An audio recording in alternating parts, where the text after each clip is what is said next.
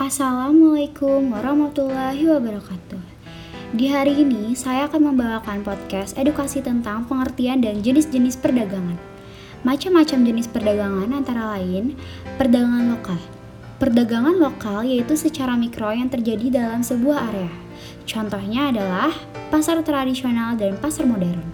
Yang kedua, perdagangan bilateral. Perdagangan bilateral adalah perdagangan yang terjadi antar dua negara. Contohnya yaitu Indonesia dan Jepang. Yang ketiga, perdagangan multiteral. Perdagangan multiteral adalah perdagangan yang terjadi antara beberapa negara. Contohnya yaitu Asia Pacific Economic Cooperation. Yang keempat, perdagangan regional.